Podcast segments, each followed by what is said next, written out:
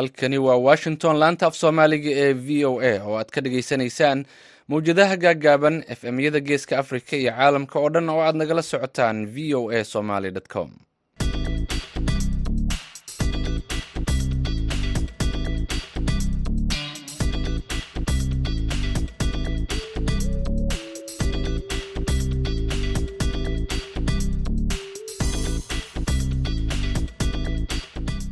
duhur wanaagsan dhegaystayaal. Saacadda afrikada bari waxay tilmaamaysaa kowda iyo barka duhurnimo. Washingtonna waa lixda iyo barka aroornimo. Waa maalin jimco ah koob iyo labaatanka bisha oktoobar sanadka labada kun laba iyo labaatanka. Idaacadda duhurnimo ee barnaamijka dhallinyarada maanta waxaa idinla socodsiinaya aniga oo ah nuur xasan nuur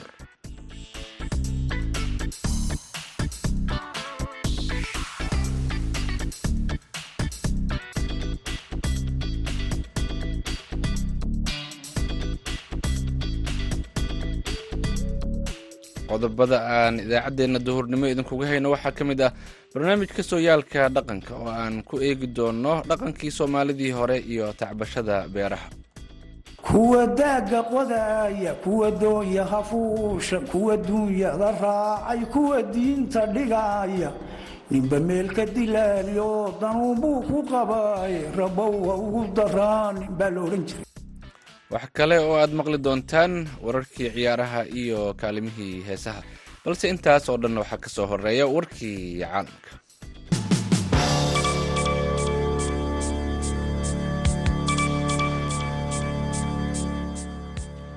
dhowr mudane oo ka tirsan baarlamaanka britain oo uu ku jiro ra'iisul wasaarihii hore boris johnson ayaa xusulduub ugu jira sidii ay u heli lahaayeen taageero ay uga mid noqdaan saddexda marashax ee ugu dambeeya ee ku tartami doona doorashada xilka ra'iisul wasaaraha cusub ee ingiriiska toddobaadka dambe. Baarlamaanka britain oo uu aqlabiyadiisu leeyahay xisbiga muxaafidka ah ayaa asbuuca dambe soo dooran doona qofkii bedeli lahaa liis tras oo shalay iska casishay xilka ra'iisul wasaaraha. Tras ayaa xilka banaysay shan iyo afartan maalin kadib markii ay ahayd ra'iisul wasaaraha ingiriiska. Waxay sheegtay in ay fulin weysay qorshayaasheedii siyaasadeed ee ay ballan qaaday markii la dooranayay saddexda qof ee loo saadaalinayo inay ku tartamaan jegadaasi ayaa kale ah wasiirkii hore ee maaliyadda riishi sunaag hogaamiyaha aqalka hoose ee baarlamaanka penny morden iyo ra'iisul wasaarihii hore boris johnson. Muddo bil ah kadib doorashooyinkii baarlamaaniga talyaaniga ayaa lagu wadaa in xisbiga midigta fog uu soo dhiso dowlad wadaag ah oo ay hogaamin doonto georgia meloni jimcaha maanta ah. Meloni ayaa maanta sheegtay in ay diyaar u tahay inay noqoto ra'iisul wasaaraha talyaaniga kadib markii ay la kulantay madaxweynaha talyaaniga iyadoo ay la socdeen mateo salvini oo hogaamiyey xisbiga midigta fog ee farride league silvio berlusconi oo ah aasaasaha xisbiga force italia. Dowladda cusub ayaase wajihi doonta caqabado ay ka mid yihiin qalalaaso dhaqaale oo ku soo fool leh zoonka saddexaad ee yurub oo uu talyaanigu matalo kaas oo ah dalka saddexaad ee ugu dhaqaalaha wanaagsan yurub korarka adeegsiga tamarta iyo dagaalka ukraine ayaa sidoo kale ka mid ah caqabadaha ay wajihi doonto xukuumadda cusub. Dagaal beeleed ka dhacay gobolka blue nile ee koonfurta suudan ayaa lagu dilay ugu yaraan boqol iyo toddobaatan qof labadii maalmood ee la soo dhaafay waxaana sidaasi sheegay laba sarkaal oo suudaan ah waana iska hor imaadkii ugu dambeeyey ee gobolka. Saraakiisha oo la hadlay wakaalada wararka a p ayaa sheegay inay socdaan dagaalo goosgoos ah. Ciidamada dowladda ayaa goobta gaaray si ay u qaboojiyaan colaadda dadka dhintay waxaa ku jira haween iyo carruur sida ay sheegeen labada mas'uul. Gobolka blue nile ayaa waxaa gelgelay gacan ka hadal qowmiyadeed bilihii la soo dhaafay. Isku dhacyada qabaa'ilka ee qarxay bishii luulyo ayaa waxaa ku dhintay boqol sagaal iyo afartan qof horaantii oktoobar toddobaadkii horena iska hor imaadyo soo cusboonaada ayaa lagu dilay saddex iyo toban qof oo kale sida ay sheegtay xafiiska iskuduwaha arrimaha bini-aadanimada ee qaramada midoobey ee loo soo gaabiyo oja dhegeystayaal warka caalamka waa naga intaa u diyaar garooba qaybaha inooga harsay idaacaddeenna duhurnimo.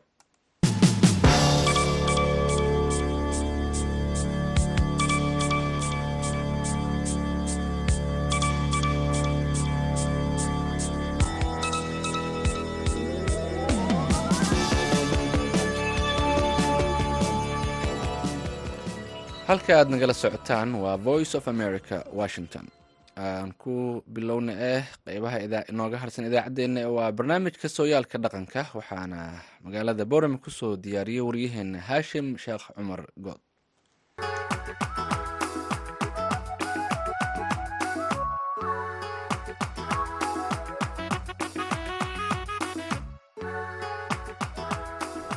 Kulanti wanaagsan dhegaystayaal ku soo dhowaada barnaamijka sooyaalka dhaqanka oo maalin walba oo jimcaha aad ka dhegaysataan hadahan oo kale idaacadda duhurnimo ee barnaamijka dhallinyarada maanta ee laanta afka soomaaliga ee v o a.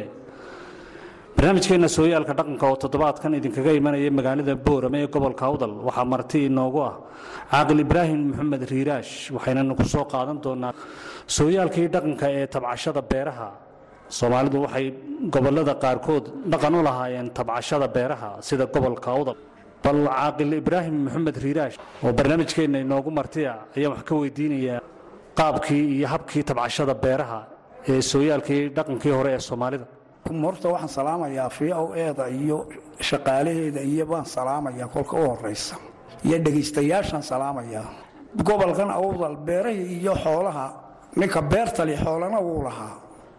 Beerta markaan ka soo qaado dadka qaarkii lix bilood gobolka awdal ama ilaa hargeyso oo kale ilaa kilal. Intaasi waa isku cimilo oo dee waxbay qodan jirtay oo dee dhulka waxbaa loo yiqiinay markaa farsamow lahaayoo hadhuurhka bisha afraad hadduu roogdogo waxa ku beegnaa hadhuur la yaqaano oo waa geedadayg la yidhaabaa ku beegnaa bishaa afraad ingiriiska marka loo eego ayaa la odhan jiray.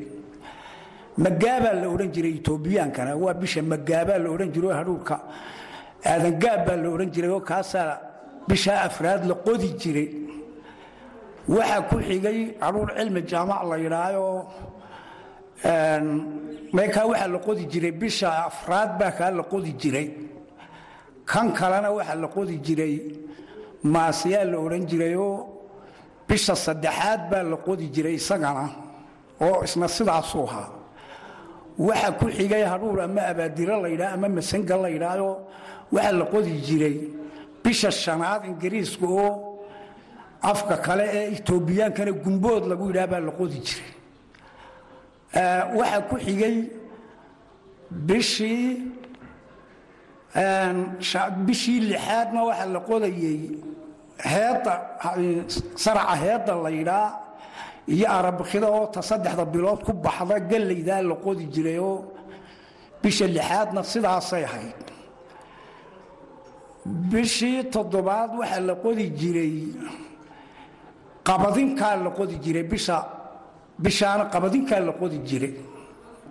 Toddobaad madaxeegana waxaa la qodi jiray qabadinka oo waxaa la odhan jiray waa hamla la odhan jiray hamla taana la odhan jiray etoobiyaanka la yidhaa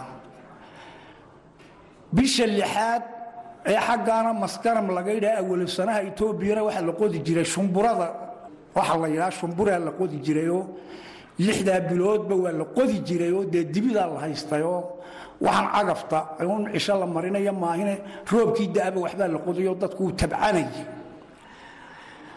marka hees buu lahaa kolka la qodayo dibiga la qodayo oo waxaa la odhan jiray kolka lagu heesayo. Waa marka dibiga beerta lagu qodayo ee hees hawleedda loo qaadi jiray. Heesawleedda loo qaadi jiray. Maxaa la odhan jiray? Kolka dibiga loo heesayo waxaa la odhan jiray kormaha waagii hore waxaa loo yiqiinay dibiga xiniya qaba. Sangahana waxaa loo yiqiinay dibiga tuman ee waa la tumi jiray dibida waagii hore qaar dee waxaa la odhan jiray kormo waa la dhowraa oo dhashiisaa la suga kormo waa la dhowraayo dhashiisaa la sugaaye sangana waa la dhibaayo dheefdaa loo buriyaaye yacna cuntadunba aad loogu roonaadaa ka tuman yacno oo waana lagu shaqeeyaa. Laakiin waxaa haddana dee la odhan jira kolla weylaha dhalow kolla wiilka gargaare alla kaalay bulaale wanaagow kuma waayo baa la odhan jiray. Waxaa la odhan jiray kuwa diinta dhigaya kuwa daagga qodaaya kuwa doonyaha fuusha kuwa duunyada raacay kuwa daagga qodaaya kuwa doonyaha fuusha kuwa duunyada raacay kuwa diinta dhigaya. Ninba meelka dilaaliyo danuunbuu ku qabaaye rabow ha ugu daraanin baa la odhan jiray waxaa la odhan jiray sidii caalim wadaadoo casar reer ku caraabay cagtoodii laba qaadiya waxaan dooni caraaba baa la odhan jiray. Sidaa caalim wadaadahoo caruurtii waxugaynoo caraabaya duleedka la kaalay bulaale cagtoodii laba qaadiyo waxaan dooni caraaba baa la odhan jiray. Waxaad ka warantay wakhtiga la beeri jiray beeraha in la bilaabi jiray bisha saddexaad bil walba wax la beeri jiray. Dalagyada bilaha hore la beeraa muddo intee leeg bay ku bixi jireen? Waxay ku bixi jireen way iswada keeni jireenoo kan aadangaabkaan kulehe bisha afraad ee magaaba laydhaa la qodaa. Marxal unbuu soconayo kol unbuu la bislaanayay cilmi jaamaca ka la qoda bisha saddexaad la qoda ee bishii shanaad la qoda ee gumbooda la odhan jirayna kol unbuu kaa la bislaanayay oo way kala dandambayn jireen haddana si unbay u wada socon jireen. Markaa heedda iyo qabadinka iyo shumburada iyo waxaasi kol uunbay soo wada go'ayeenoo waa cimrigoodaa kala yaraa cimrigoodaa kala yaraa. Arabiki waxaa jirtay la odhan jiray migaarta oo la raaciyo hadhuurka oo lix bilood ku baxdaa jiraysay. Markaa tu saddex bilood ku baxdaa jirtay. Waxaa jirtay tu dabakadhala la yidhaayoo laba bilood ku baxdaa jiraysay oo qabadinka iyo wax la mid ahayd in alla intaasi way isku wada dhowayduunoo kolunbay wada bislaanayeen. Midda la odhan jiray horudhaladu iyadu tay ahayd. Mayane korudhalaa la odhan jirayoo arabikiday sida hadhuurka koru dhalay midmidi koru dhali jirto waa korudhalaa la odhan jiray tan dabakadhalaa la odhan jiray way gaagaabnayd laba bilood bay ku bixi jirto dabakadhalaa la odhan jiray. Ta kale geedadayg baa la odhan jiray arabikido migaar baa la odhan jiray mid loosaa la odhan jiroo ta dhexday ahaydoo dabakadhaladana way ka yar geedadaygsanayd migaarta lixda bilood ee hadhulka la baxdana way ka dheganugulaydoo saddex bilood bay ku bixi jirtay. Gallaydu sidaasay ahayd heeddu iyadu isku cimri uunbay ahayd arabikidu isku cimri qabadinku isku cimri uunbuu ahaa. Shumburadu isku cimri uunbay ahayd waxaa sidaasay wada ahaayeen waxaa soo saraca oo soomaalidu beeran jirtay sooyaalkeedii hore ee dhaqankana ay lahayd gaar ahaan gobolkan awdal. Marka ay biqlaan ee ay soo baxaan saracaasoo dhan sidee looga shaqayn jiray? Maxaase laga qaban jiray? Marka aw biqle ee aw haruurkaasi biqle ee aw caraqaris yahaybaa haramaa lagu bilaabi jiray. Nin kama soo hoyan jirin wuu haramayin jiray. Hadday ka xoog runata wax guus la yidhaah baa lagu bixin jirayoo waxaa la odhan jiray waar guus baa la foofayaa yaa la odhan jiray. Kolkaa guuskaasaa haramaynayayoo sidaasaa dee wixii ka xoog roonna dee dad ugu qayshanaya wixii kalena isagaan ka fadhiisan jirinoo jaad iyo waxani ma jirine dee dad waxay ahaan tabcanayayoo noloshooda ku dadaalayay ahaayeenoo waxaan dee iminka sida noqday may ahayn. Oo ama dibiguunbuu ku qodayay ama wuu haramaynayuun ama wuu goynayay uun ama waa markaa sidaa unbay ahayd sida adiguba aad tilmaantay waxaad tidhi ninka markay beertu ka baaxad weyn tahay waxaa loo samayn jiray guus baa loo foofi jiray. Dad badan baan guuskaasi fahmayn. Bal markaad sharaxaad naga siiso muxuu ahaa guuskaasi siduuse sideese loogu foofi jiray. Duulnimo horta waxaa laga yidhaah guus marka la yidhaaho haramaha wuu noqonayay hadhuurka tumistiisa wuu noqonayay qodaalka beerta wuu noqonayay maanta hebel waa waa guus oo beesha lalahaa war haramihiibaa iga xoog roonaaday dee kaalaya wax ila qabta oo beerta ila harameeyabay ahayd oo beeshaa loo yeedhayaa wixii beesha jooga. Ee xooga dee nimbaba dee nimba ishaa loo haramaynaya.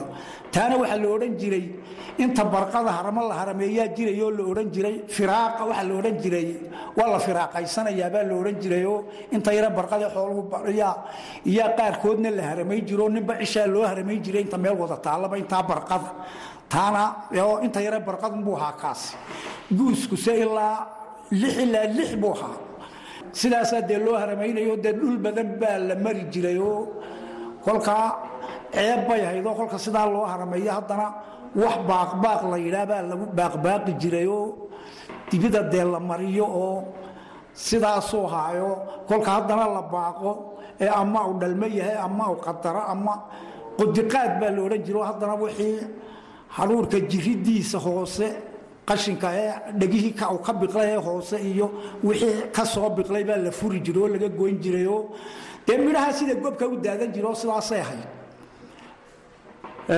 Waxaasoo dhanba marka guus lagu foofo waxaa jiri jiray waxaa jirtay wakhti saracaa la beeray uu baxo oo uu bislaado. Wakhtigaa hadday cayayaan tahay iyo hadday shimbiro tahay sidee loogala dagaalami jiray shimbirtan iminka dhulka wada gaadhay ma ay jirine? Kolkii hore wixii bana shimbir ma uu lahaan jirin waaga hore. Ilaha waxa la yidhaaha ama geed kale ama dhagaxa le ama biyaha leh iyo shimbirtu jiraysa. Shimbirta dee waa laga celin jirayoo wax sariir la yidhaabaa loo dhisi jiray oo koru taaganoo dee warfaha oo hareeraha dhowr meelood baa lagaga dhisaya. Beertu intay leeg tahay baa dee yani sariirahana la dhisaya. Hadday saddex qaadato hadday laba qaadato beertu hadday miduuni ku filan tahay sariiraha la dhisayayoo. Dee ilaa dhacdo ilaa baxda shimbirtaa laga celin jirayoo gelinkaa horu hadhuurku qoyayuhu qadarka yahay kolka la dhaafiyo kol hadduu xasiidho shimbirta weyne ama caaraha ama qabiilaha dadku u yaqaano maahna waxa xamara la yidhaahee deed hadhuurkaa dili lahaayee ayaxa ka daraa wuu ka adkaanayayoo sidaasaa looga nasanaya kol hadduu xasiido ama u caddaado waa laga nasanaya waad goyntuunbaa ku xigaysa dalagyadaasi markay bislaadaan ee ay baxaan hadday qabadin tahay heedda hadhuurhka gellayda shumburada sidee loo guri jirayoo dadku halkay ku xirayn jireen shumburada wax la gooyo waxa u dambeeya wixii la qodayba waa u dambaysa waa la fujin jiray oo waa la isku xiri jiray oo beertaa la dhigi jiray oo caleenna iyada loogama baahnayne saamaha la keeni jiray oo dee waa la jingilaal wax la yidhaha baa lala dhici jiray oo halkaasaa midhahu unba iyada la qaadanayo qashinkeeda xun iyada waa la ysaga tegayay qabadinkuna sidaasuu ahaayoo xooluhu caloosha ka qabtaabaa la odhan jiro isagana qarankiisa lama cunayn. Waxa kale waa la hoysan jiray oo kolka dee beeraha lagu tumi jiray qaaligaa lagu tumi jiray meel aan dhagax lahayn oo riso baa lagu tumi jiray hadhuurkoo madaxa lagaga goynayo halkaasaa lagu tumi jirayoo kolka halkaa lagu tumee la guusee dee kolka lagu heesaya bismillaahi yowhohyeho hawhoohi hoohi hoohi baa la odhan jiray waxaa kaloo la odhan jiray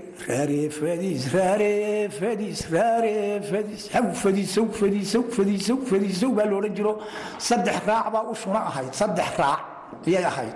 Ama toban ha noqdaan oo labaa u yaraa usha inta roganaysa labaa u yaraa saddex baa ku xigay afar baa ku sidaasay ahayd. Waa marka la tumayo hadhuurku baxayayarun buruursha haw buruursha waa la odhan jiray moogta intaasaa af soomaalka ka gelaya waxa kale wuxuu ahaa af ahaa. Markaa sidaasuu ahaayo dee kolka hadhuurka dee la tuma ee hala bariyaa la odhan jiro cishadaa horeba lama asoorayna dharaarta dambaa la asoorayayoo wax gacaf la yidhaah baa lagu tuuri jiray oo sare loo tuuro oo ama haadaanta oo la qoroo la ballaadhiyo ama darayga oo sidii looxa loo qoro xaggaa dambana ulka ah baa lagu oo gacaf baa la odhan jiray. Saasaa loo tuuri jiray. Waa la haadinaya waa la tuurayaa waa layska nanasinayaa dee wax yar maaha saasaa loo tuuri jiray. Kolka dee la saafeeyaa bohoshii loo qodee dee la diyaarshay dee muurka lagu rariyo dee lagu soo shubayay sidaasuu haa. Hadhuurkaa marka isagoo saafiya la soo saaro ee qashinka iyo wax walba laga saaro soomaaliga maxaa lagu odhan jiray? Jollaa la odhan jiray waa la jolleeyaa la odhan jira jolle baa la odhan jiray waa la jolleeyaa la odhan jiray. Ku kala inta yaree hadhadhe ee ee dabayshu qaada waa gurdihii baa la odhan jiray gurda af soomaalka waa gurdaa la odhan jirayoo dee reerkaa loo dhigi jirayoo dumarkaa iska shuqulan jiro ina kaafilahana bohoshaa lagu shubayayoo sidaasuu ahaa waxa qashinka ee laga reebo hadhuurhka amase gelleyda maxaa la odhan jiray? Marka madaxa laga gooyo iyo marka caleenta laga gooyo. Marka madaxa laga gooyo dee caleentunbaa hadhaysa. Hadhuurkii waa kan la tumay caleentiina meel bay taallaa hadhuurkana bohol baa lagu shubaya waa la hoynayaa caleentiina sagaradaa la geynaya kolka hadhuurkaasoo iyada hadduu doono hadhuurkoo yaallaba caleenba taba la hoynayaa oo la sii qaadayaa. Inta dee wax loo qaqabsanayo taasi waa taa. Arabikiduna iyada waa lagu rari jiray qarmaha lagu rari jiro reerkaa lagu qalbixin jiray iyada. Oo sidaas iyadu ahayd heedana dameeraha lagu tumi jiray dameeraha intoo la ysku xidho oo meel bannaan oo yaa dee lagu wareejin jiray oo heedda sidaasaa loo tumi jiray dameerunbaa iyada lagu tumi jiray. Xamakuda waxaa la yidhaahda ee laga saaro hadhuurhka goormaa laga saari jiray sidaysa ahayd iyadu. Xamakudu waxayd kolka hadhuurka la tumo ee la kala bixiyo wixii waa dee laga saari jirayoo dee ood ama murayada iyo ood yaroo gaaban baa lagu kala saari jiroo sidaasaa loo wadayay kolka la saafeeyo ee wixii hadhuur ahaa laga reebo ee dhankaa loo dhigo dee xoolaha la siin jiro iyada dee waa la rari jirayoo saamaha intoo awrta lagu raro laba saamoodoo waaweynoo midna dhinacaa awrka laga saaro midna dhinacaa iyaa lagu guri jirayoo dee meel loogu talagala la hoyn jirayoo dibidiibaa de iyada dibidaa iska lahaan jirta xamakudaa lagu qodayo oo wax kale afka looma saarayno. Dee iyada hurs bay u ahayd. Hawsha intaa leeg marka lagu jiro ee beerta la goynayo ee guuska loo foofo raggaa guuska ah caawinaya ninka beerta kuwa guuska ee ninka beerta la goynaya. Maxay samayn jireen? Waxay odhan jireen waa la heesaya baa la odhan jiro dee nin yaqaan baa heesi jiray maalintii lagu waayey maalintii lagu waayey waa la waalaloobay waraaba waxid leeyo weyd baa loo kala yaacay baa la odhan jiray war bariiska reer magaale badda looga tallaabi. Waa kanoo la budeeyey oo biyo loo kululeeyey.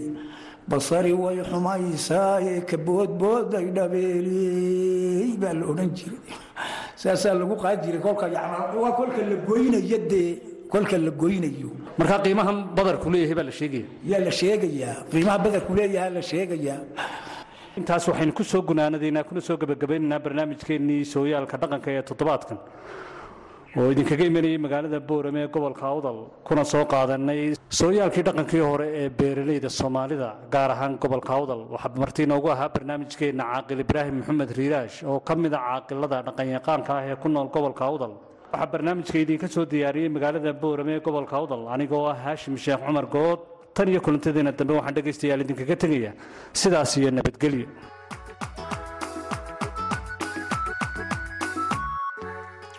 haashim sheekh cumar good aad ayuu u mahadsan yahay. Halka aad nagala socotaanna waa v o a. Haatanna wararkii ugu dambeeyey ee ciyaaraha shalay waxaa dhacay ciyaaro ka tirsanaa horyaalada ingiriiska sbain iyo weliba coba italia oo ah tartanka labaad ee ugu xiisaha badan dalkaasi talyaaniga dhinaca sbain haddii aan fiirino kooxda barcelona ayaa saddex iyo eber kaga badisay naadiga via real goolasha laba ka mid ah waxaa u dhaliyey ciyaaryahan robert lawandaweski dhammaadka qaybtii koowaad ee ciyaarta goolka saddexaadna waxaa keenay ansu fati. Labadaasi gool ee uu dhaliyey lawandaweski oo u dhashay dalka poland waxa ay u suurageliyeen in uu dhaliyo goolashiisii lix boqolaad iyo lix boqol iyo koowaad ee abid uu dhaliyo ciyaaryahankan. Weeraryahankan ayaa hadda noqday weeraryahankii saddexaad ee gaara tiro intaasi la eg oo goolal ah tan iyo sanadka labada kun. Waxaa ka horreeya ronaldo iyo messi oo goolal intaasi la eg dhaliyey shan iyo tobankii sano ee la soo dhaafay. Lawandaweska ayaa waxa uu saddex boqol iyo afar iyo afartan gool u dhaliyey bayan munik isagoo u saftay saddex boqol shan iyo toddobaatan jeer. Sidoo kale waxa uu boqol iyo saddex gool u soo dhaliyey kooxda brushia dortmund uu horey ugu soo ciyaaray ilaa boqol lix iyo siddeetan jeer. Ciyaarihii kale ee spain ee shalay dhacay waxaa ka mid ahaa osasuna oo hal iyo eber kaga badisay sbanyol girona waxa ay ku khasaartay saddex iyo laba kooxda almeria. Dhinaca kale horeynta real madrid ayaa ku hogaaminaysa siddeed iyo labaatan dhibcood. Kaalinta labaad waxaa ku jirta barcelona oo leh shan iyo labaatan dhibcood. Real sociedad ayaa kaalinta saddexaad ku jirta oo leh laba iyo labaatan dhibcood. Atletic madridna kaalinta afraad ayay ku jirtaa dhinaca ingiriiska laba kulan ayaa dhacay. Lester waxay laba iyo eber kaga badisay leeds united. Goolasha waxa ay ahaayeen mid uu iska dhaliyey robin coch oo u ciyaara kooxda leeds. Goolka kalena harvey pines ayaa u keenay kooxda lester fulham saddex iyo eber ayay ku dardartay aston villa. Guuldaradaasi waxay sababtay in aston villa ay ceeriso tababaraheedii stephen gerard gerard ayaa waxay u ahayd markii ugu horreysay oo uu heerka koowaad ka qabto koox. Tanii markii uu bilaabay xirfadiisa tababarnimo hore wuxuu ugu soo ciyaaray liverpool oo uu kabtan muddo sannada ah u soo ahaa. Zeriacada talyaaniga kulan ayaa dhici doona. Caawa yuventus ayaa la ciyaari doonta impoli ciyaaraha kalena sabtidii iyo axadda ayay dhici doonaan waxaana ka mid ah ciyaaraha sabtida dhici doona milan oo martigelin doonta kooxda monza. Monza markii ugu horreysay taariikhdeeda ayay ciyaareysaa xilli ciyaareedkan ciyaaraha heerka koowaad waxaa leh milkiilihii hore ee milan silvio berlusconi. Marka sabtida berlusconi waxauu markii ugu horreysay wajihi doonaa kooxdiisii hore ee milan. Inter milan waxa ay sabtida la ciyaari doontaa fiorentina. Ciyaarta ugu xiisaha badan seria aaga talyaaniga toddobaadkan waxay dhex mari doontaa axadda roma iyo hogaamiyayaasha horyaalka ee napoli sabtida dhinaca ingiriiska ciyaaraha dhici doona waxaa ugu xiiso badan ee chelsea oo la ciyaari doonta manchester united. Liverpoolna waxay la dheeli doontaa norringham forest halka manchester city ay la dheeli doonto kooxda brighton. Dhegeystayaal wararkii ciyaaraha waa naga intaa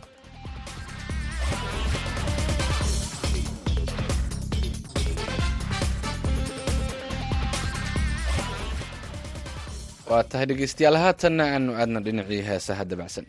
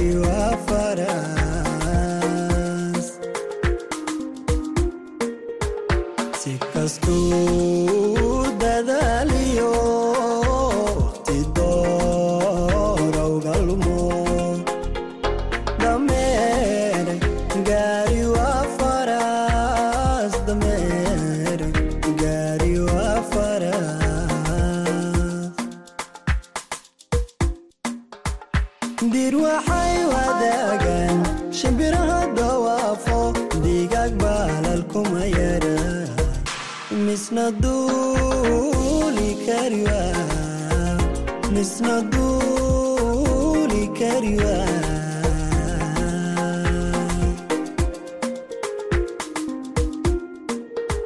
dir waxay wadaagaan shimbiraha dawaafo digaag baalal kuma yara misna duuli kariwa misna duuli kariwa kudayaada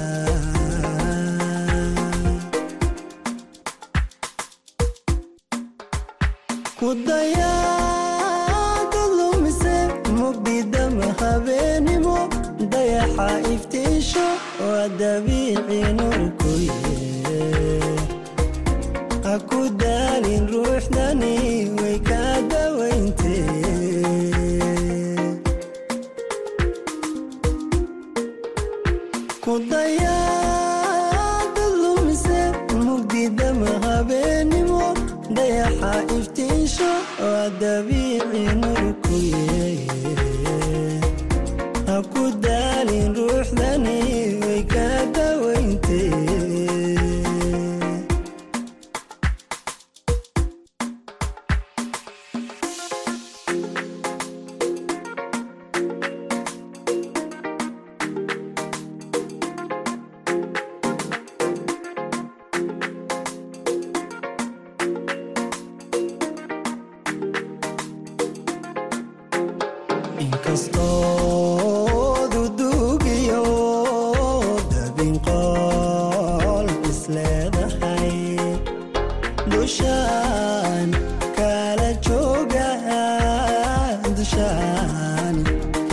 jooga